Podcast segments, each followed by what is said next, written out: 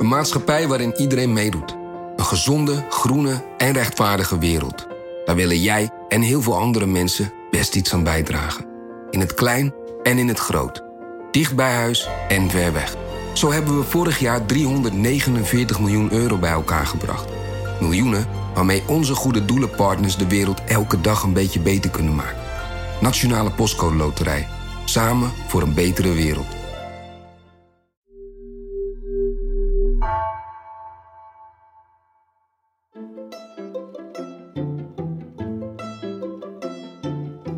Welkom. Wij zijn Onbehaarde Apen. Dit is een podcast van NRC over wetenschap.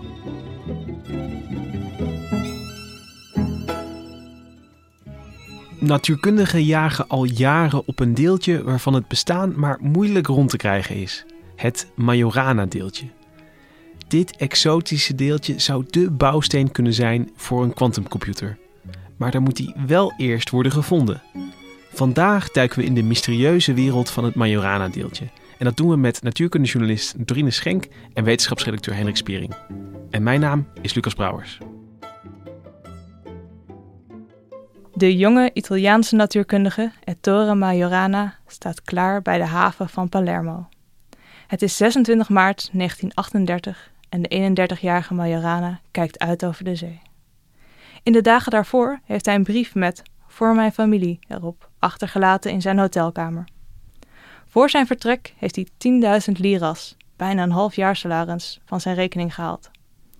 Het was nog geen jaar geleden dat de jonge natuurkundige zijn beroemdste artikel gepubliceerd. Daarin voorspelde hij het bestaan van Majorana-deeltjes. Elementaire deeltjes met uiterst bijzondere eigenschappen. Majorana werd na publicatie van zijn artikel benoemd tot hoogleraar theoretische fysica aan de Universiteit van Napels. Hij was pas 30. En nu staat hij bij de haven van Palermo. Hij koopt een ticket voor de veerboot, de Città di Palermo, richting Napels. Hij stapt op de boot en vertrekt. Daarna wordt er niets meer van hem vernomen. Er wordt een zoektocht gestart naar de jonge wetenschapper, maar hij lijkt op mysterieuze wijze te zijn verdwenen. Dorien, wat een superspannend begin is. We hebben te maken met een briljante natuurkundige. Publiceert een artikel wat erkend wordt, waardoor hij gezien wordt. Hij wordt tot hoogleraar benoemd. En voordat hij dan daar echt kan gaan beginnen, eigenlijk op reis daar naartoe, verdwijnt hij. Hoe kan dat? Ja, de enige aan wie we dat kunnen vragen is Ettore Majorana zelf. Uh, waarom hij verdwenen is, wat er gebeurd is. Uh, we zullen het misschien wel nooit weten. En ja, hij is bijna net zo mysterieus als het uh, artikel dat hij achter heeft gelaten. Maar kun je alvast een tipje van de sluier oplichten van wat er in dat artikel stond, waardoor hij in ieder geval opviel bij ja, zijn collega's en de natuurkundigen van die tijd?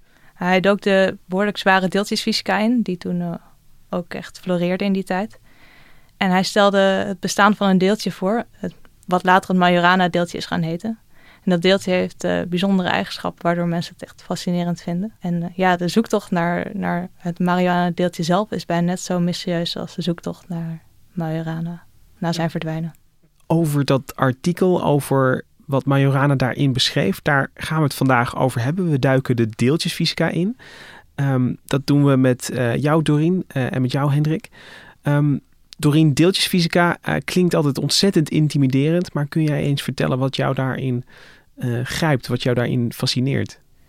Nou, een van de mooiste dingen vind ik misschien wel aan de deeltjesfysica is hoe dingen eerst op papier uit de wiskunde rollen en dan jaren of soms decennia later daadwerkelijk ontdekt worden, bijvoorbeeld in gigantische deeltjesversnellers zoals de LHC bij CERN. Eh, ik ben natuurlijk ook tijdens mijn studie is het Higgs-deeltje ontdekt. Dat was ook een paar decennia daarvoor op papier bedacht. En dat blijkt dan echt te bestaan. En dat uh, vind ik hele mooie natuurkunde. En dat is dan het deeltje wat dan, dat vind ik dan ook weer zo mysterieus, dat dan alles zijn massa geeft. Ja, het, het Higgs boson zorgt ervoor dat andere deeltjes massa hebben, kun je, kun je zeggen. Gaan we nou verder niet op in. Maar, uh... En Hendrik, jij bent ook een deeltjes enthousiast, volgens mij. Ja, uh, ik, ja, natuurkunde is altijd, het is een van de vakken die ik bijna was gaan studeren zelfs. Maar goed, toch voor de geschiedenis gekozen. Maar uh, ja, ik vind die, uh, als je naar die deeltjesfysica, dat is, er zitten een paar aspecten in. Dat, dat het ook zeg maar, dat is ook een beetje de pretentie die natuurkundigen er vaak aan geven, dat het gaat over de basis van de werkelijkheid. Dit is nou de diepste werkelijkheid die er is. En zeker in een tijd dat uh, religie natuurlijk een beetje in verval is uh, hier in het Westen is dat ook een soort alternatief aan het worden. Dat merk je ook op feestjes van, oh ja, de kwantummechanica is allemaal geheimzinnig en diep en uh, moeilijk. En dat, dat proces fascineert me dan ook. Hoe zit het eigenlijk? Maar ook hoe, hoe leeft dat in de samenleving? En dan zit ik de laatste tijd steeds vaker eh, dat ik denk van ja, de basis van, van, van de wereld. Wat, hoe, ik bedoel, ik besta, jij ook trouwens, uit kwantum uh, elementen en uh, leptonen. God weet, klopt dat trouwens? Leptonen? Ja, elektronen zijn oh, leptonen. Oké, okay, dus goddank. En, maar het beïnvloedt eigenlijk niet je bestaan. Nee, niet van dag tot dag. Nee. nee. En toch is, is die, ja, die werkelijkheid, misschien is het wel een andere werkelijkheid, of het, het, is, het is zeker een werkelijkheid, die uit die deeltjes bestaat. Die wordt inderdaad in, in die begin jaren 10, 20, 30 wordt helemaal uitgeplozen. En veel van die deeltjes, Doreen, kan ik nog ja, wel volgen. Hè? Dus, dus als je bij scheikunde uh, je les krijgt over atomen. En uh, nou ja, dat dat bestaat uit een kern van protonen en neutronen met een wolk van elektronen eromheen. Dat kan ik me nog voorstellen als een soort ja, miniatuur zonnestelsel. Maar met Majorana-deeltjes gaat, gaat dat niet op. Uh, Majorana die wees in een, in een ja, een hele andere richting eigenlijk van, van, van deeltjes. Um, kun jij ons proberen mee te nemen dat uh, Majorana-deeltje in of er naartoe? Erin wordt lastig, denk ik. Precies. maar ja, om er naartoe te gaan, dan moeten we eigenlijk nog een stapje verder dan jouw scheikunde lessen met de, de protonen en de neutronen. Want de protonen en de neutronen bestaan eigenlijk ook uit nog kleinere deeltjes, uit quarks. En dan komen we bij uh, ja, uh, het standaardmodel van de deeltjesfysica, waarin allemaal ja, de meest elementaire deeltjes die we nu kennen worden beschreven. Dus alles is daar op gebouwd. Ja, want dat is het verschil tussen, je hebt gewoon een deeltje zoals een proton, maar dat bestaat dan weer uit deeltjes die dan, ja, voor zover we nu weten, niet uit nog kleinere deeltjes bestaan. Dus dat zijn dan de elementaire deeltjes, ja. dat zijn de bouwsteentjes, zeg Precies, maar. Precies, de Lego-blokjes waarin alles om ons heen uh, uit opgebouwd is. En een elektron is dan weer wel een elementair deeltje, maar een proton dus niet. Ja, klopt. Een elektron is, uh, ja, die kun je niet splitsen, zover we weten. Maar een, een, proton kun je dus in principe kun je daar zien dat die opgebouwd is uit, uit drie kleinere bouwsteentjes. En ja, Majorana die uh, zat dus in die wereld van die deeltjesfysica. Hij was ook betrokken uh, eerst nog bij, bij kernfysiesonderzoek, dus naar die, die protonen en die neutronen in, in atoomkernen. En hij kwam in aanraking uh, met een idee van de Britse fysicus Paul Dirac. Die uh, schreef in 1928 een artikel over antideeltjes. En daarin beschreef hij hoe elk deeltje een antimateriële tegenhanger heeft. Dus alle deeltjes die we kennen, daar bestaat ook een antiversie van. Een elektron, daar bestaat een antiversie van, een positron. Die zijn ook daadwerkelijk gevonden. Dus uh, dat is een vrij goed model. Maar Majorana die dook er iets verder in. En die ging die uh, theorie, die vergelijking van Dirac, waar die antideeltjes uit volgde, helemaal uitpluizen. En hij kwam tot de conclusie dat er ook nog iets anders bestaat. Namelijk een deeltje dat zijn eigen antideeltje is. Dan ga ik toch alvast de vraag stellen van... normaal gesproken, als je uh, een positron en een elektron hebt... en je zegt die zijn antideeltjes... dat betekent dat als je ze samen in één hok zou stoppen onder andere dat ze elkaar zouden opheffen, toch? Tot een, tot een beetje energie overblijft. Ja, als een, uh, een deeltje een perfecte antimateriële tegenhanger tegenkomt, dus een elektron bijvoorbeeld het positron, en ze botsen op elkaar, om het zo maar te zeggen, dan, uh, ja, dan verdwijnen ze samen in het niets en blijft dan een plofje energie of een lichtflitsje over. Ja, dan wordt de materie omgezet in energie, wat trouwens een enorme knal geeft over het algemeen. Nou ja, een elektron en een positron valt waarschijnlijk nog wel mee. Maar de, de, dan uh, als we dit even aannemen, dan, dan wordt die gekkigheid van Majorana wel heel zichtbaar. Want die, die stelt nu, zeg jij, een deeltje voor dat zijn eigen antideeltje is. Dus een, een positron en een elektron zijn nog verschillende, verschillende zaken. Ja, de ene is positief geladen, het positron. Het elektron is negatief geladen. Dan kun je wel echt, ja. je kunt een, een onderscheid maken tussen een positron en een elektron. Ja. En je zegt alleen als die samenkomen, dan, dan, uh, dan heffen ze elkaar op. Maar ik bedoel, hier zit al de eerste kronkel voor mij. Van de, want het, het, deeltje dat Majorana voorstelt is dus zijn eigen antideeltje. Ja, dus als het op een vergelijkbaar deeltje botst, dan uh, verdwijnt het ook. Betekent dat bijvoorbeeld, ik, ik, ik trok, trok het... Dat ze nooit met z'n tweeën op Ik stap wou net kunnen zeggen, gaan. kunnen ze, niet, eh, kunnen ze elkaars hand niet vasthouden dan? Nee, ik denk het niet. Nee. Maar je zegt nu van, het, hij, hij bedenkt dat, maar het is natuurlijk de uitkomst van hele complexe berekeningen. Want door iedereen, bij wijze van spreken, kan denken, oh, het kan ook een deeltje zijn eigen antideel. Maar dat slaat dan natuurlijk helemaal nergens op. Het moet natuurlijk ergens op gebaseerd zijn. Op, op, op berekeningen op grond van eh, kwantum. eh, Ja, eh, het volgt uit wiskundige berekeningen, om Dat het zo lekker vaag te zeggen. Nou, wat Dirac bijvoorbeeld, eh, hoe hij het een beetje voorstelde, dus ik ga waarschijnlijk veel te kort door de bocht voor sommige natuurkundigen, maar eh, je kunt materie zien als iets met positieve energie en antimaterie iets met negatieve energie. En eh, dan zou je zeggen dat precies in het midden, op dat grensvlak tussen materie en antimaterie, zit iets met nul energie. Dus wat zowel materie als antimaterie is. En dat zou dan zo'n deeltje zijn wat zijn eigen antideeltje is. Iets wat dus later de naam Majorana-deeltje kreeg. En als we dit nou even... eh, we, gaan met Majorana mee. En, en we, we zeggen, oké, eh, eh, zo'n deeltje zou, zou kunnen bestaan. Wat zijn... Wat zouden de eigenschappen van dat deeltje zijn? Wat zouden de implicaties ervan zijn als, als, we dat, als, dat deeltje bestaat? Nou, om te beginnen dus dat het zichzelf op kan heffen. Tenminste, als het een, een vergelijkbaar deeltje tegenkomt. En een van de andere eigenschappen is, dat is een beetje gek, maar als je bijvoorbeeld twee elektronen hebt naast elkaar en je wisselt ze om, dan ziet alles er nog precies hetzelfde uit. Niemand zou je kunnen vertellen, oh je hebt die twee elektronen opgewisseld. Elektronen zijn identiek. Maar als je twee eh Majorana-deeltjes met elkaar omwisselt, dan verandert iets aan het systeem. Dus dan kan iemand later zeggen, hey, je hebt die twee deeltjes, ook al lijken ze exact hetzelfde, je hebt ze omgewisseld. Dat, dat kan ik zien, dat er, er is iets gebeurd. En dat is ja, een bijzondere, mysterieuze eigenschap die ook weer uit, eh, ja, uit vergelijkingen rolt. Maar, maar kun je het wel op een andere manier beschrijven? Heeft het, heeft het een, een, een, een lading, een massa? Eh, een massa kan het prima hebben, eh, zover ik weet. Een lading niet, want ja, als je een deeltje en een antideeltje hebt, dan hebben ze ook tegengestelde ladingen. Dus per definitie moet een Majorana-deeltje eh, ladingsloos, neutraal zijn. En daarom dacht Majorana zelf ook dat neutrino's, die toen volgens mij nog theoretisch waren, dat zijn hele kleine, lichte, onbekend hoe zware deeltjes die bij kernreacties kunnen ontstaan. En die zijn ladingsloos. Dus hij dacht zelf dat dat misschien eh Majorana-deeltjes zouden kunnen zijn. En wat denk jij, Doreen? Kan dat? Ik denk nog steeds wel dat het kan. Ik ben ook niet de enige daarin, gelukkig. Er wordt nog steeds heel veel onderzoek naar gedaan. Dus er zijn eh, grote experimenten die kijken naar kernreacties waar die neutrino's bij ontstaan. En die kijken of die neutrino's soms ineens verdwijnen. Doordat ze elkaar opheffen. Maar dat is dus een reële mogelijkheid, dat, dat die neutrino's eigenlijk Majorana-deeltjes zijn. Dan wordt Ja, het ineens kan.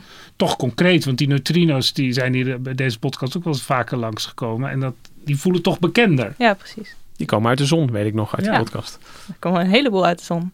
En ehm, Die gaan er dwars door je duim heen, heb ik altijd onthouden. Miljarden geloof ik per seconde door je duimnagel. Ja. ehm, als ik natuurkundigen een, een beetje ken, gaan ze dan eh, deeltjes op elkaar afvuren en kijken of ze dan eh, het voorspelde deeltje vinden. Eh, zo, zo hoe het vaak een goede samenvatting van de Ja. kernfysica. Dat is wel een beetje erop. wat ze doen.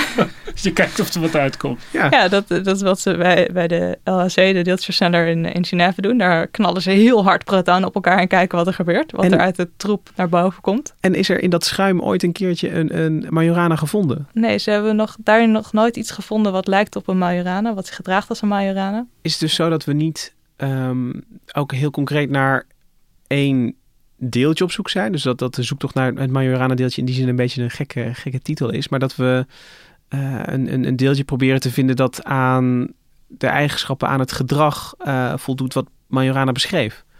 Ja, want een Majorana-deeltje is dus niet één soort deeltje wat het Majorana-deeltje is.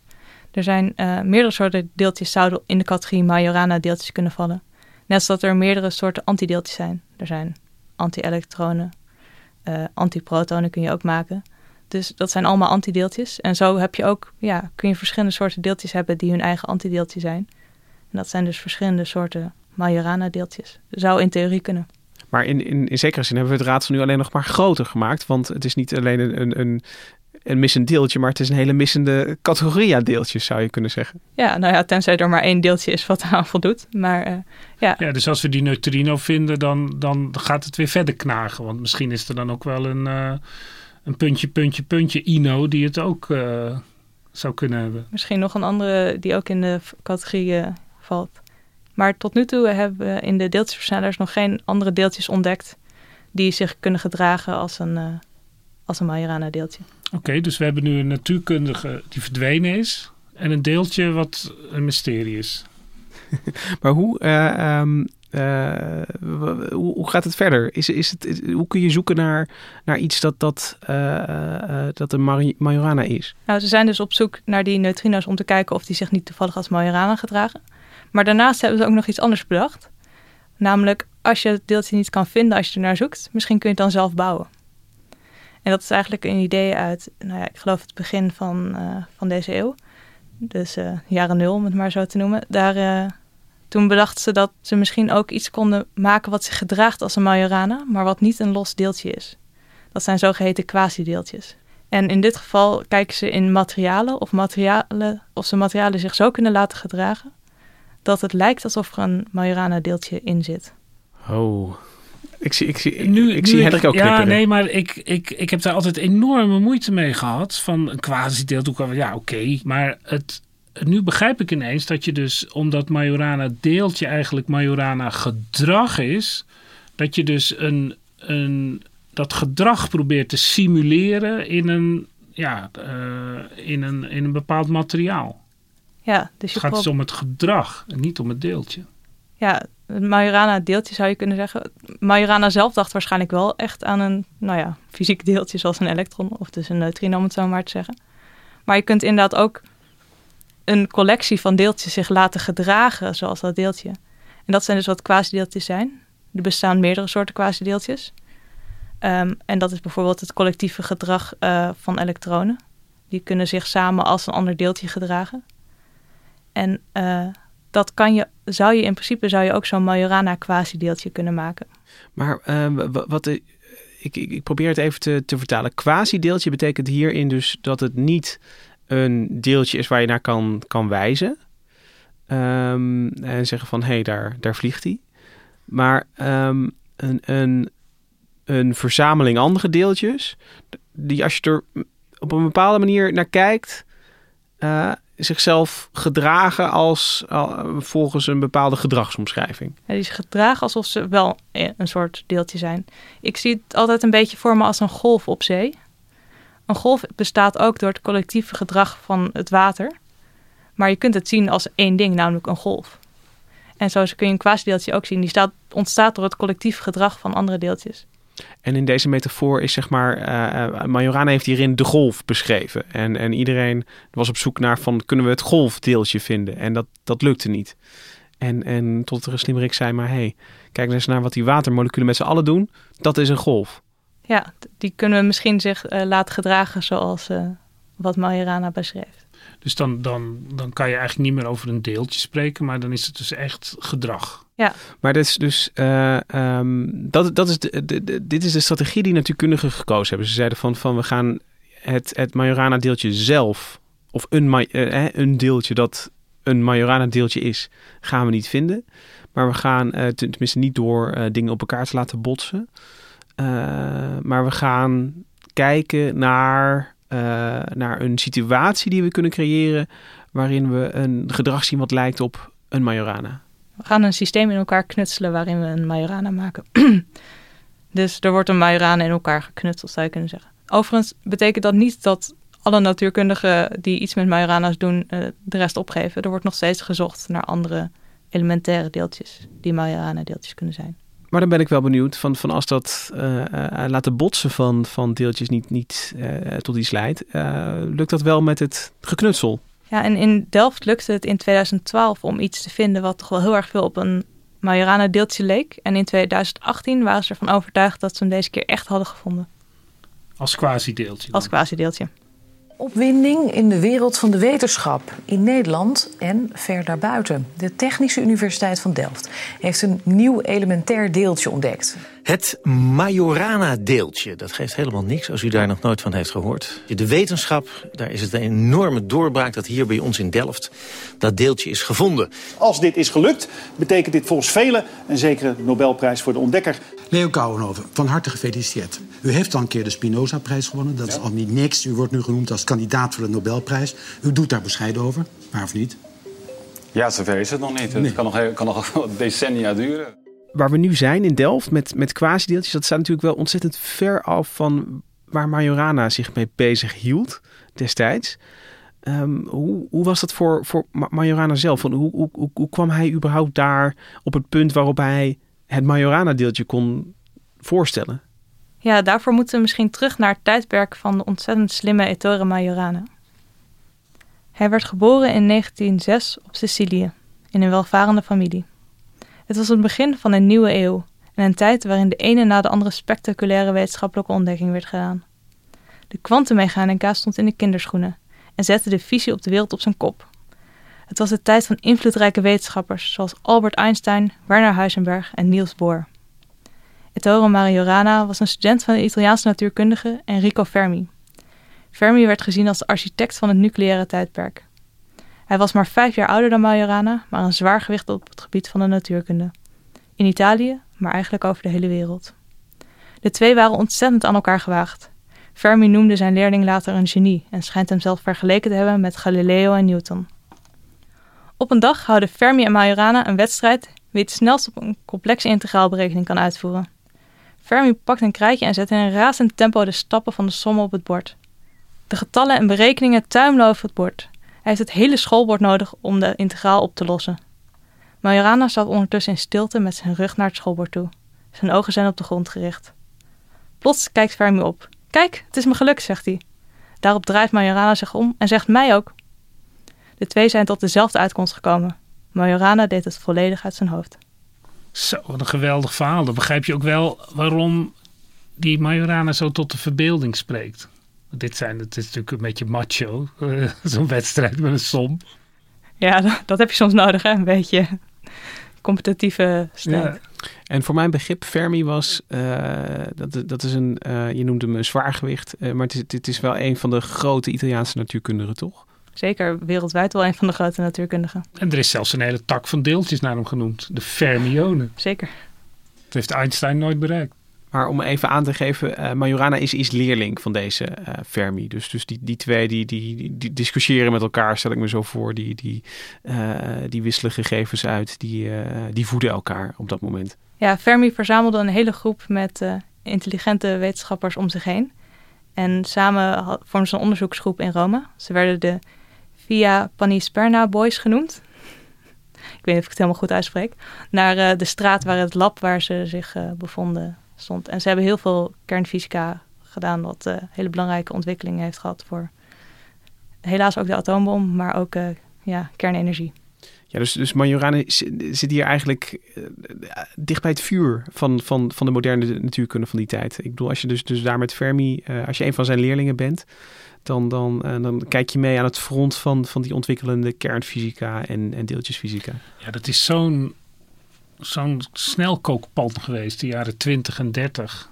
En uh, ja, dan komt die atoombom eroverheen. En na de oorlog wordt het dan weer heel anders natuurlijk. Maar dan bouwen ze daar weer op verder. Maar dit is echt, uh, ja, dat ook dat zo'n zo'n jonge man dan denkt van, oh, kan, dat hij dan zelf berekent dat er zo'n deeltje bestaat, zo'n Majorana-deeltje. Ja, dat kan in die tijd. Nu zou dat al een stuk moeilijker zijn natuurlijk. Ja, hij leeft in, dat opzicht in de perfecte tijd. Um, er gebeurde van alles om hem heen. Hij, heeft ook, uh, hij is nog met een beurs uh, Europa ingetrokken. Hij is in, naar Leipzig gegaan, naar Heisenberg. Hij heeft Niels Bohr ontmoet. Alle grootheden uit, uh, uit die vroege natuurkunde. En wanneer um, komt Majorana dan, wanneer zet hij zijn idee op papier? Wanneer verschijnt dat Majorana-deeltje uit zijn berekeningen? Uh, dat is vrij lastig terug te halen. Ook omdat Majorana niet zo gek was op publiceren. Uh, dus, uh, in dat opzicht had hij geen groot ego dat gestild moest worden met mooie publicaties. Hij heeft in zijn hele werkzame leven ook maar negen papers gepubliceerd. Um, zeker voor nu zou dat niet, niet veel zijn.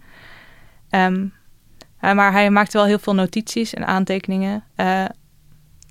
En Dirac bedacht zijn vergelijking over de materie en de antimaterie. Die publiceerde die in 1928. Uh, dus hij zal daarna ermee aan de slag gegaan zijn. Dat was uh, begin 1933. Dus waarschijnlijk werkte hij toen ook wel aan. Volgens mij is dat ook wel teruggevonden in notitieblok. Het is dus een beetje onduidelijk wanneer die er precies aan werkte. Maar wat vaststaat, dat is in, in 1937 die publicatie er is. Ja, mogelijk met uh, een extra zetje van Fermi heeft hij in 1937 het artikel gepubliceerd waarin hij het idee van de Majorana-deeltjes presenteert. Dus dan is het idee gelanceerd. Het gaat de wereld in. Dus op dat moment uh, uh, kunnen anderen ermee aan de slag. Die kunnen er misschien naar gaan zoeken. Ja, dat is misschien niet gelijk gebeurd. Majorana was altijd zijn tijd wat verder vooruit. Echt het grote onderzoek naar ja, veel meer neutrino-onderzoek is eigenlijk recenter pas op gang gekomen. En dan was er nog die, die andere lijn uh, die je beschreef. Dus niet het, het, het observeren, maar het, het, het misschien, uh, net zoals Fermi Majorana zet je moest schrijven, kijken of je zelf uh, zo'n Majorana kan creëren. Um, en wanneer begint dat? Ja, volgens mij waren de eerste ideeën daarvan en, en, tekenen van dat zoiets in een materiaal zichtbaar zou kunnen zijn. Dat was ook een beetje het halfgeleidermaterialen die we veel in elektronica terugzien, waarin dat soort dingen misschien mogelijk werden. Dat was ja, begin van, van deze eeuw, maar zo te zeggen. Maar het echte recept voor hoe je dit zou kunnen doen op een vrij concrete manier kwam in 2010 door een, uh, ja, een theoretisch paper. Dat beschreef hoe je iets zou kunnen maken waarin je Majorana's kan opwekken. Echt een recept eigenlijk. Nou, laat me horen dan. Hoe doe je dat? Je begint met een snufje. nou, eigenlijk... Het, Zet het gas heel hoog. Ja, Nee, heel laag juist. Oké, okay. oh, nou begin maar. Nee, het idee was dat je een uh, draadje, nanodraadje laat groeien. Nanodraadjes zijn duizend keer dunner dan je haar. En die kun je laten groeien op hele gecontroleerde manieren. En die maak je van een halfgeleidermateriaal. Dus een materiaal uh, zoals ook in veel elektronica verwerkt zit. En dat draadje bedek je dan met een supergeleider. Dus een materiaal dat uh, supergeleidend kan worden als je het ver genoeg afgekoeld. Dat betekent dat elektriciteit er weerstandsloos doorheen kan bewegen. En zo'n draadje koel je dan vervolgens af tot min 273 graden Celsius. Nou ja, nog iets meer. Uh, en dan is het dus ijs en ijskoud. En dan wordt dat materiaal supergeleidend. Dan krijgt het die speciale supergeleidende eigenschappen. En dat betekent dat in dat supergeleidende materiaal de elektronen die zich erin bevinden, die uh, vormen paren. Dat heet de Cooper-paren. En daardoor krijgt het materiaal die bijzondere supergeleidende eigenschappen. Maar dat betekent dat elektronen geen losse deeltjes meer zijn, maar paren. Die zich samen gedragen als één deeltje. Die Cooper-paren zijn dus ook quasi-deeltjes. Mag je dan zeggen dat die aan elkaar vastzitten of is dat dan weer te simpel? Ik vrees dat dat te simpel is. Oké, okay. nou dat wou ik even weten, maar gaat u verder. Uh, en die bewegen dus uh, gezamenlijk door het materiaal heen. Daar aan het uiteinde heb je een halfgeleider. Dus niet meer die supergeleider, maar de halfgeleider. En in die halfgeleider bewegen elektronen alleen, dus als losse deeltjes. Dus aan het uiteinde van zo'n draadje, dan kan op de overgang van supergeleider naar halfgeleider, kan de helft van zo'n Cooperpaar bungelen, zeg maar. Dus dan heb je een half paar. Ja, ja, want dan is zeg maar, dan heb je die twee elektronen. Die ene die is al in de halfgeleider verdwenen en die andere blijft dan achter en is dus in die supergeleiding nog deel van een Cooperpaar. Wat niet kan bestaan, omdat het er eigenlijk altijd twee moeten zijn. Ja, dus hij is een soort van in, in de overgang. Ja. Ja, en hij, hij bunkelt daar een beetje als, als een paar dat zijn wederhelft mist. En ja, zo'n half paar, dat is, uh, kun je zien als een Majorana deeltje. Dus aan beide uiteinden van zo'n draadje zit dan aan allebei de kanten een Majorana deeltje. Als je de materialen precies goed kiest. En waarom zou dat dan een Majorana deeltje zijn? En niet omdat, gewoon een half Cooperpaar? Uh, omdat het zich uh, blijkt te kunnen gedragen. Of als het goed is, volgens de theoretische voorspellingen, kan dit deeltje zich gedragen als een Majorana deeltje. En dan heb je meteen dus een manier, een methode uh, ineens, om dus zelf... Ik bedoel, je zet de knop aan, je laat de stroom doorheen lopen en daar zijn je Majorana's. Er, er, zijn deeltjes die het gedrag vertonen van een Majorana-deeltje. Precies. Ja, er zijn quasi-deeltjes die zich gedragen als Majorana-deeltjes. Je moet overigens ook nog een magnetisch veld aanleggen. En uh, het is wel even een klusje om dit uh, voor elkaar te krijgen. Nee, ik, ik, ik wil niet zeggen dat het simpel is, maar je hebt, in, je hebt in ieder geval een methode waarmee je het kan, kan maken. Dus, Ja. dus je, bent niet, eh, eh, je bent niet aan het observeren, maar je bent. Eh, je hebt een soort eh, snelweg aangelegd, zeg maar, waarover je deeltjes laat lopen. En, en eh, eh, daar verwacht je Majorana gedrag in te Ja. kunnen Ja, vinden. want aanvankelijk zijn dit gewoon sommen op papier. Het zijn, elektro of het zijn wiskundige berekeningen. En daar volgt het uit. Ja, die En- beschrijven het gedrag van eh, ja, die elektronen in, dat, in die halfgeleider en die supergeleider. En die beschrijven hoe zo'n Ja, ja, dan moet je- aan een deeltje kan ontstaan. En dan moet je gaan kijken, gebeurt dat ook in werkelijkheid? Lukt het om dat technisch te doen? Precies, en dat hebben ze dus in Delft geprobeerd. Ze hebben ook in samenwerking met eh, internationale wetenschappers... hebben ze dus heel nauwkeurig die draadjes laten groeien... en bedekt met eh, superglijdend. En ze hebben er een stroompje doorheen laten lopen... om te kijken of, het zich inderdaad, of er inderdaad iets gebeurt... wat zich zo gedraagt als een Majorana-deeltje. En dat recept kwam dus in 2010. En al in 2012 zagen ze iets wat toch best wel leek op een Majorana-deeltje. Ze zagen namelijk een, een piekje in de stroom... Precies daar waar je dat zou verwachten voor een Majorana-deeltje. En hoe moet ik dat dan? eh, dat, dat, dat is echt. eh, eh, je, je zet de stroom aan. Ik bedoel, je, je, je, je hebt je circuit liggen. Je koelt het genoeg af. Je zet de stroom aan. En je gaat meten. Dat is, dat is in feite wat er gebeurt. Maar het is allemaal super klein natuurlijk en super koud. Dus dat is echt een technisch hoogstandje om het al te proberen. Bij wijze Ja, van spreken. Het is een eh, draadje van, nou ja, duizend keer dunner dan je haar. Eh, het is een supergeleider die precies afgekoeld moet worden. Eh, er mag, mag niet te veel troep tussen de supergeleider en het eh, draadje zitten. En, maar als ze dat piekje dan zien in Delft, kan de vlag dan al uit? Hebben ze dan al.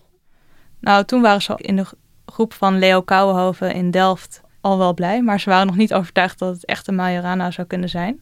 Dus toen gingen ze verder aan de slag. En in 2018 zagen ze iets wat echt zo'n piekje was. En het bleef ook constant onder bepaalde omstandigheden. Dus het vormde een soort plateau. En dat zou echt een teken zijn van een Majorana. Dus toen ging daar wel echt de vlag uit. Met een publicatie in Nature als eh, cherry on top. Maar, ik heb inmiddels ook wel begrepen dat eh, eh, die vlag weer langzaam naar binnen is getakeld. Ja, al relatief snel na de publicatie waren er wat vragen van Sergej Frolov en Vincent Maurik. Die waren, waren niet bij deze publicatie betrokken, maar waren daarvoor wel onderdeel van de onderzoeksgroep van Leo Karov in Delft. En zij eh, snapten de data niet helemaal en vroegen nog wat extra data op. En ja, ze wilden graag weten waarom ze precies tot die grote conclusie van we hebben een Majorana-deeltje gezien kwamen op basis van deze data. En toen bleek dat ze inderdaad, ze hadden wel wat data weggelaten. Dat is niet zo gek in een wetenschappelijke publicatie, maar ze hadden wel een beetje aan cherrypicking gedaan. Het was de mooiste data en ze hadden niet heel goed uitgelegd waarom ze andere metingen weg hadden gelaten. Ook eh, dachten ze dus dat ze een plateau gezien hadden, dus dat het inderdaad een, een vrij constante waarde hield. Maar als je goed naar die data keek, dan leek het misschien meer twee piekjes dan, dan een plateau. En ja, door de data zo te presenteren als we hebben het Majorana-deeltje gevonden en hier is het bewijs. Dat zorgde ervoor ehm, dat zij misschien zelf, eh, maar ja, ook anderen die het artikel misschien zaten van wauw, het is ontdekt. Maar als je goed ging kijken eh, en je roze bril afzette, dan was er eigenlijk geen hard bewijs voor het Majorana-deeltje. Ja, want het leek eigenlijk een, een, groot succesverhaal. Weet je, van in 2010 een, wordt er een methode gelanceerd. 2012 van, oh, we hebben al, nou ja, het werkt al een beetje. En dan in 2018 het, het sluitstuk. Weet je, van, van in, in een periode van acht jaar, eh, bij wijze van spreken, van concept naar, naar de vondst. En dat, eh, eh, dat is nu weer weg. Ik bedoel, met, met dat terugtrekken van het artikel betekent dat er wel weer echt eh, eh, iemand hard aan de bak moet om eh, eh, bewijs voor Majoranus rond te krijgen. Ja, want het artikel werd dus inderdaad uit Nature teruggetrokken begin dit jaar. Pas eigenlijk. Het heeft nog even geduurd voordat het allemaal rond was. En ja, dat was een behoorlijke klap. Eh, Ja, want het is natuurlijk toch een behoorlijke afgang eigenlijk. Als je het zo presenteert als in Nature, we hebben het gevonden. En dan blijkt het toch niet te kloppen. Ja. En het is ook wel een onvoorstelbaar ironisch dat dan zelfs het quasi-deeltje toch ook weer niet blijkt te bestaan. Voorlopig. Ik bedoel, het is eh, Lewis Carroll eh, all over again, zeg maar. ja, het is erg natuurlijk. eh, die groep die had in 2012 eh, lukte het ze al om iets te meten wat best wel goed was. Toen gingen ze aan de slag om die draadjes nog beter te maken, nog schoner, nog preciezer. En toen waren ze misschien zo enthousiast. Ja, je weet natuurlijk niet wat er uh, achter die fouten van, of nou ja, de, de, missers in het presenteren van de data zat. Uh, maar ja, ze kunnen eigenlijk weer terug. Um, want de metingen zijn gewoon niet, niet voldoende om te laten zien dat het echt gelukt is om Majorana's uh, te creëren. Maar de universiteit heeft toch ook onderzocht of, of het fraude was? Of, uh... Ja, wat precies de reden, wat precies de reden was voor het presenteren van de data op die manier en het trekken van de conclusie die misschien wat voorbaag was, dat, dat weten we nog niet. Er loopt zelfs ook nog een integriteitsonderzoek bij de TU Delft om daarnaar te kijken. Maar Misschien was het overenthousiasme, we weten het niet. En is het dan zo dat, uh, um, uh, ik bedoel, die publicatie is teruggetrokken. Uh, dus dus wat we in 2018 een beetje vierden als van de Majoranen zijn gevonden, daar moeten we nu van terugkomen. En we zijn weer terug bij, ze bestaan misschien en misschien ook niet.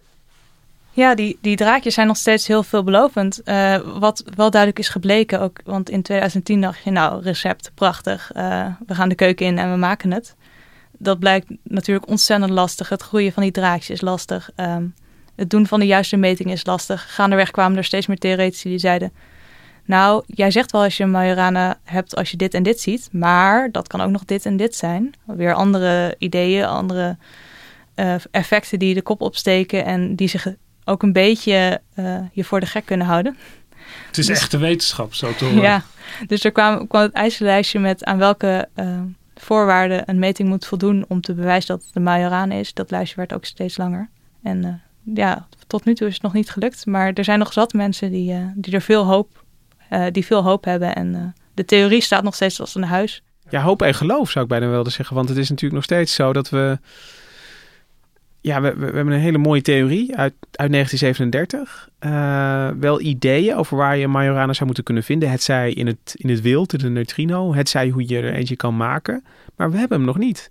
En ik begin een beetje te twijfelen erin. Bestaat die eigenlijk wel, die Majorana? Ja, en of Majorana-deeltjes bestaan, weten we nu dus eigenlijk nog steeds niet. De kans zou ik nog steeds groot schatten, omdat uh, de theorie over de manier waarop je een Majorana zou kunnen maken in nanodraadjes staat als een huis de theorie over de Majorana's, uh, die ontwikkeld is door Ettore, Ettore Majorana, die is ook sterk. Maar ook die theorie kwam net zoals het onderzoek naar de Majorana-deeltjes zelf, uh, ook maar met horten en stoten tot stand. Want op, in de jaren voordat uh, Majorana met zijn theorie kwam, in 1937, ging het eigenlijk niet zo goed met hem. Sommigen beschreven de jaren van 1933 tot 1934 zelfs als zijn duistere jaren.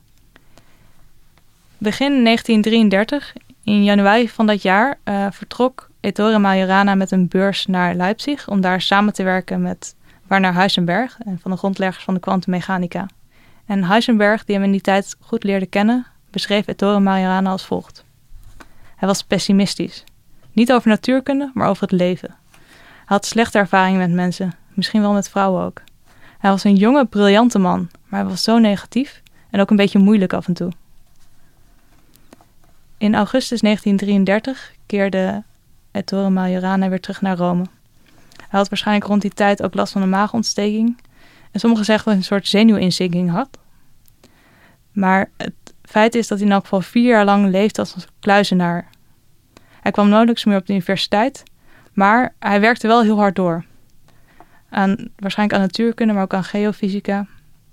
Hij heeft in die tijd mogelijk nog wel wat contact gehad met zijn oom maar verder sprak hij bijna niemand.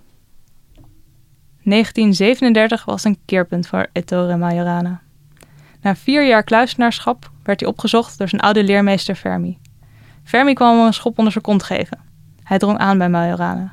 Er zijn drie leerstoelen vrijgekomen bij Italiaanse universiteiten. Ga nou solliciteren en schrijf een nieuw artikel.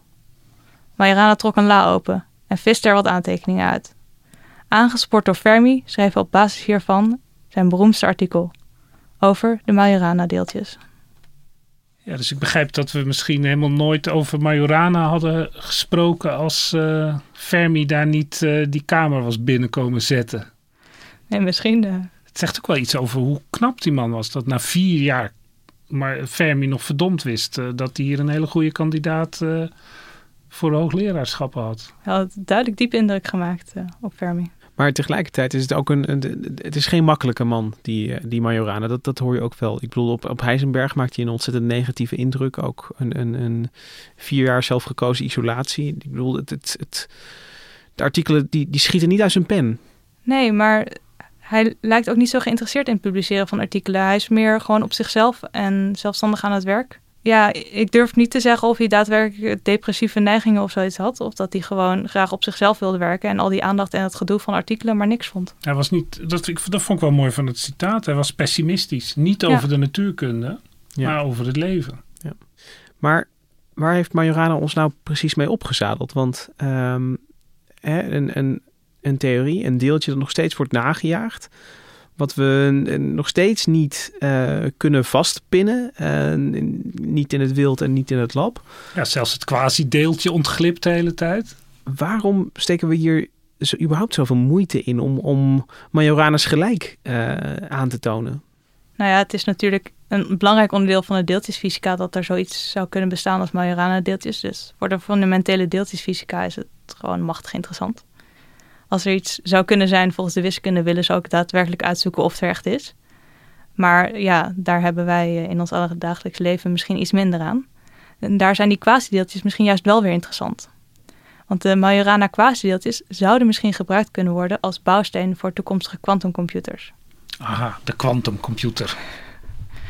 Ja, een van mijn andere favoriete onderwerpen. En uh, de, de quantumcomputer, dat is een, een, een uh, nog niet bestaande idee van een computer die veel sneller, krachtiger is dan de huidige computers. Ja, quantumcomputers uh, zijn veelbelovend. Je zou kunnen zeggen dat er al hele kleine quantumcomputertjes ja. zijn. Hele kleine quantumcomputers. ja, van, ik geloof dat Google heeft er eentje van 53 qubits. Qubits ja. zijn de, de bouwsteentjes van de quantumcomputer. In tegenstelling tot de bits van de, van de gewone computer. En het mooie aan quantumcomputers is dat ze bepaalde berekeningen veel sneller uit kunnen voeren dan andere. Exponentieel veel sneller zelf. Dat betekent dat sommige problemen waar zelfs de grootste supercomputers duizenden of miljoenen miljarden jaren over zouden doen, dat die ja, in een paar seconden of een paar dagen gedaan kunnen worden door een quantumcomputer. Dat geldt niet voor alle problemen overigens. Het is niet dat alles. Maar bepaalde dingen kun je een soort kwantumjasje uh, gieten in een kwantumalgoritme, wat veel sneller kan draaien op, uh, op quantumcomputers. En bij het bouwen van een quantumcomputer gaat het toch over de qubit. Je moet toch een, een, een goed bouwsteentje hebben voor een quantumcomputer? Ja, voor gewone computers hebben we daarvoor de, de transistortjes, de, de, die 1 en 0 zijn. En bij een quantumcomputer zou je qubits hebben, kwantumdeeltjes, uh, die niet alleen 1 en 0 zijn, maar die kunnen ook een combinatie van 1 en 0 zijn. En dat geeft ze die sterke rekenkracht. En dus zeg maar de onmogelijkheid van kwantum dat je en 1 en 0 bent. En dat kan je dan inzetten bij uh, complexe berekeningen. Ja, daardoor kun je bepaalde berekeningen parallel uitvoeren. Niet alle berekeningen, wil ik nogmaals benadrukken. Ja, dat wordt vaak vergeten alsof dat ineens uh, alles kan. Maar dat zijn hele specifieke dingen. Ja, je moet het wel in een kwantumalgoritme kunnen krijgen. En Majorana's uh, zijn wat stabieler. Die zijn wat minder beïnvloedbaar voor om, door omgevingsfactoren. En maakt het dan nog wat uit dat het bij die Majoranas toch vooral gaat om dat quasi-deeltje? Is dat, ja, maakt dat geschikter als qubit of uh, maakt het eigenlijk niet zoveel uit? Ja, doordat een quasi-deeltje is, zit het natuurlijk intrinsiek vast aan zo'n nanodraadje, wat al een iets groter, misschien stabieler systeem is, waardoor het iets, uh, iets minder makkelijk te verstoren is. Een quantumcomputer, dat klinkt als een betere computer dan uh, wat we nu hebben. Waarom zou je die willen? Nou, je ziet al met de interesse die bijvoorbeeld Microsoft ook in dit Majorana-onderzoek stopt, dat ja, er valt waarschijnlijk geld mee te verdienen. Uh, ze sponsoren ook het Majorana-onderzoek bijvoorbeeld in Delft. Leo Kouwhoven, die het onderzoek uh, uit 2012 en 2018 leidde, die is ook uh, officieel in dienst bij Microsoft. Dus dat geeft wel aan hoeveel interesse er is vanuit die grote techbedrijven voor ja, quantumcomputers en quantum qubits. Want uh, voor Microsoft uh, zit dan, waar, waar, waar, zit de winst dan precies? Zien zij ook, willen zij gewoon ja, mee in die volgende generatie computers? Is, is dat het idee erachter? Dat als ze nu zeg maar voor uh, nu investeren, dat ze dan straks een, een voorop lopen met een quantumcomputer? Ja, zoals ook andere grote bedrijven zijn ze enorm geïnteresseerd in die extra rekenkracht die quantumcomputers hebben. Want daar kun je bijzondere dingen mee doen. Uh, je zou bijvoorbeeld kwantumchemie er goed mee door kunnen rekenen. Dus je kunt chemische reacties kun je doorrekenen met quantumcomputers. Dat is heel waardevol, bijvoorbeeld voor het ontwikkelen van materialen en voor medicijnen. Maar iets waardoor ook misschien nog meer techbedrijven erin geïnteresseerd zijn, is dat je ook encryptie er beter mee kan maken. Quantumcomputers zijn mogelijk in staat om de huidige encryptie te kraken. Maar ze zijn ook in staat om onze encryptie beter te maken. Ja, want het is wel heel grappig dat je zegt te verbeteren. Want het is een beetje de angst van alle banken. Omdat uh, voor een quantumcomputer die goed werkt, is, zijn die priemgetallen waar het nu mee gaat, zijn een, zijn een fluitje van een cent om uh, te kraken natuurlijk. Maar dan komt er dus weer een nieuwe encryptie die op quantumcomputers is gebaseerd. Ja, bijvoorbeeld. Er zijn ook andere manieren om, om huidige computers al te beschermen tegen quantumcomputeraanvallen. Uh, maar daar hebben we het al een keer, andere keer over gehad. Maar inderdaad, de quantumcomputer is dus een, een gevaar voor de huidige encryptie, maar ook een belofte voor uh, betere encryptie. Dus dat is allemaal gebaseerd op dat uh, quasi-deeltje in uh, een nanodraadje, wat nu nog steeds bewezen moet worden? Nou, gelukkig niet helemaal. Er zijn ook nog een heleboel andere qubit-kandidaten en er zijn dus al wat qubits die op andere dingen gebaseerd zijn. Majorana zou de Majorana-deeltjes, de Majorana-quasi-deeltjes, zouden een mooie, veelbelovende qubit kunnen zijn. Is het dan veelbelovend en interessant voor Microsoft omdat het al um, in draadjes zit? Is het, ik, ik, ik probeer me voor te stellen op, op het moment dat je uh, als je dat uitlegt over nanodraadjes met een grens tussen een supergeleider en een halfgeleider, dat klinkt al iets wat je Jij kan afdrukken op een printplaat misschien. is, is dat wat het interessant maakt? Dat, dat, je bedoelt dat je, het massaal kan gaan produceren. Ja. en dat er over uh, 20 jaar al uh, computertjes van de, van de band kunnen lopen. Ja, dat helpt waarschijnlijk wel. De, de halfgeleiderdetechnologie die je daar ook voor nodig hebt... is natuurlijk al, al wat bekender. Uh, maar ik weet niet precies of dat de reden is dat ze, dat ze zo sterk op deze inzetten. Intel is ook betrokken bij, uh, bij quantum uh, computeronderzoek bij andere soorten qubits weer. Google dus ook bij bepaalde soorten qubits. Dus, en Microsoft heeft Majorana gekozen? Ja, op dit moment. Ik weet niet of ze eigenlijk ook nog op andere qubits, in, in andere qubits investeren. Dat zou ik zo niet weten. Ik vind het wel bijzonder om, om te bedenken dat iets wat op, op een studeerkamer begon in Rome met een, een theorie die misschien wel in een la was blijven liggen totdat, totdat Fermi binnenkwam stormen. Um, dat, dat ja, natuurkundigen dat nu nog steeds achterna jagen. En uh, uh, zelfs bedrijven ook nu al instappen. Terwijl het uh, ja, natuurlijk de resultaten nog ongewis zijn. Dat, dat toont ook de kracht van theorie soms. Ja, en zo werkt de wetenschap. Allerlei dingen. We zitten nu nog aan het begin eigenlijk. Hoe lang het ook al geduurd heeft. Maar het is een complexe materie natuurlijk. En ja, als het lukt, dan lijkt het ineens allemaal logisch. En we, we, maken deze podcast nu en over drie jaar is het misschien totaal anders. Dan is het definitief mislukt of definitief gelukt of nog steeds onduidelijk. Allerlei grote natuurkundige dingen die, die nu vanzelfsprekend zijn, die waren toen totale verrassing. Maar het is dus interessant dat je in 1937 zulke moeilijke ja. natuurkunde kan bedenken dat het uh, uh, al bijna 100 jaar duurt voordat je het uh, kan aantonen. Ja, met quasi-deeltjes, een man die verdwijnt, een stuk wat bijna nooit geschreven was. Het is, het is, als het een film was, zou je zeggen, een beetje overdreven. Want over die, die man die verdwenen is, Doreen, is daar ooit nog opheldering over gekomen? Want, want jij begon met, met een, een ja, iemand die niet meer aankwam op bestemming in Napels eigenlijk, om zijn met die Majorana die daar een hoogleraar zou worden. Maar dat is dus nooit gebeurd. Uh, ja, wat er met Majorana zelf gebeurd is, dat zullen we misschien wel nooit weten. Want hij is zelf nooit teruggevonden. Er is nooit een lichaam teruggevonden. En dat heeft er wel ook voor gezorgd dat er allerlei wilde theorieën zijn ontstaan over zijn verdwijnen. Uh, om te beginnen was er een politieonderzoek nadat uh, hij niet kwam opdagen voor een les die hij moest geven aan de universiteit. Toen zijn ze een politieonderzoek gestart naar hem. En toen hebben ze ook in zijn hotel het briefje gevonden, een briefje gevonden wat hij naar zijn familie had geschreven. Daarin stond het volgende. Ik heb één wens. Draag geen zwart. Als je erop staat, mag je een rouwteken bij je dragen. Maar liever niet langer dan drie dagen. Herinner mij daarna in je hart. En als het je lukt, vergeef mij dan. Hij had ook een brief gestuurd naar zijn baas aan de universiteit. En daarin klonk ook wat door over um, ja, dat klonk ook als een afscheidsbrief. Dus met die informatie en het feit dat hij niet terug, uh, niet terug was gekeerd van een veerbootreis, vermoedde de politie al vrij snel dat hij zelfmoord had gepleegd. En dus overboord zou zijn gesprongen. Waarschijnlijk. Anders was het lichaam gevonden natuurlijk. Ja, Dat zou uh, een mooie beschrijving zijn. Um, maar ja.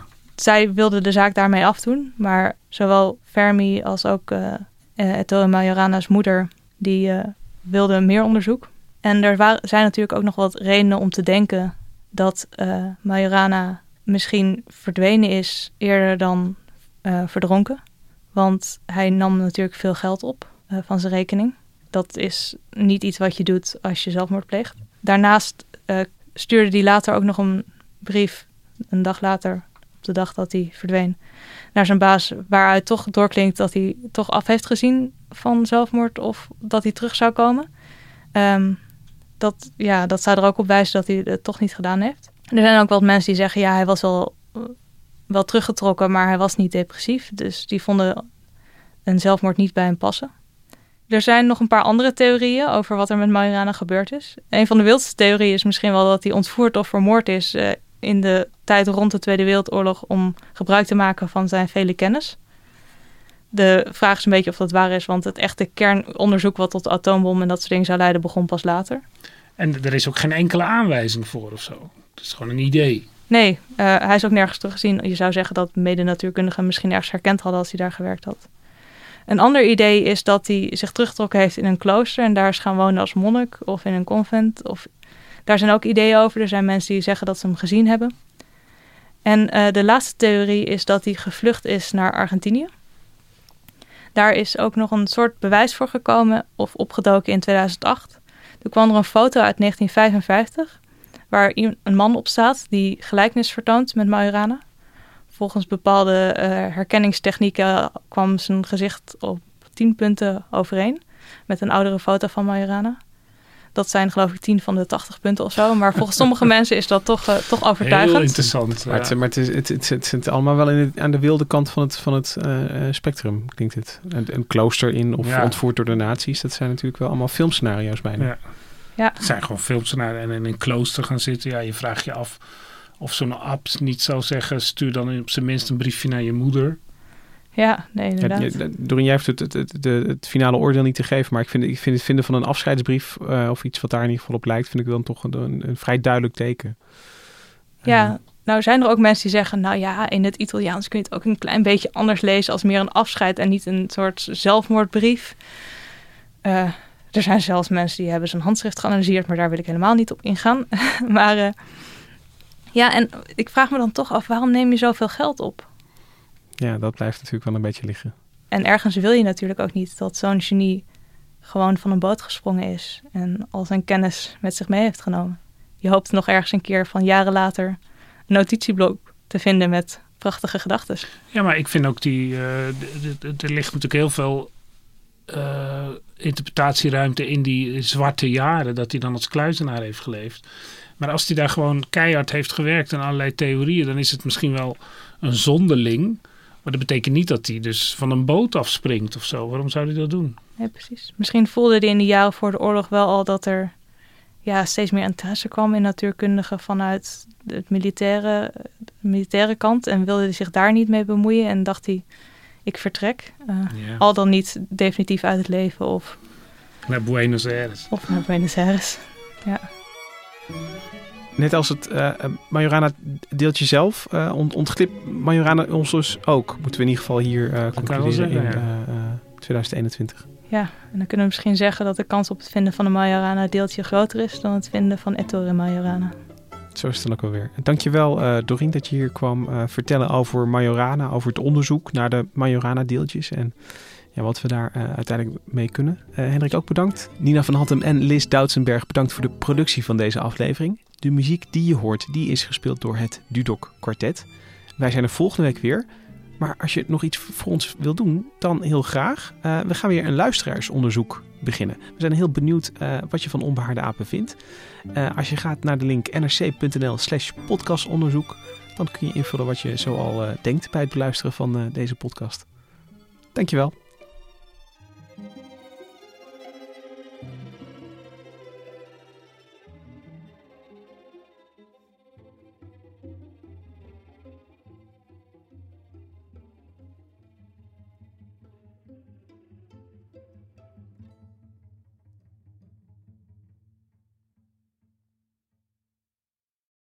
De financiële markten zijn veranderd, maar de toekomst, die staat vast. We zijn in transitie naar een klimaatneutrale economie. Dit biedt een van de grootste investeringskansen van onze generatie. Een kans voor u om mee te groeien met de pioniers van morgen. Meer weten? Ga naar carbonequity.com. Carbon Equity. Do good by investing better.